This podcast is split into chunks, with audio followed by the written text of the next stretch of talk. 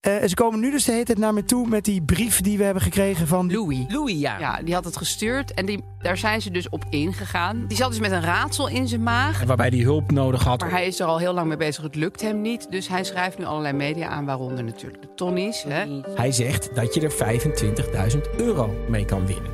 Maar 25k, wat is dit nou weer voor verhaal dan? Louis blijkt echt iemand te zijn. Die blijkt te bestaan. Tja, eh, er Ah. is toch iets, iets merkwaardigs aan de hand. En hij beweert dat er geld mee te verdienen valt. Dus zij waren allemaal helemaal in alle staten van opwinding. eh, daarnet. Dat ze hem eindelijk gesproken hadden. Ja, en dat, ze, dat, het er, dat het er naar leek dat het echt iets is.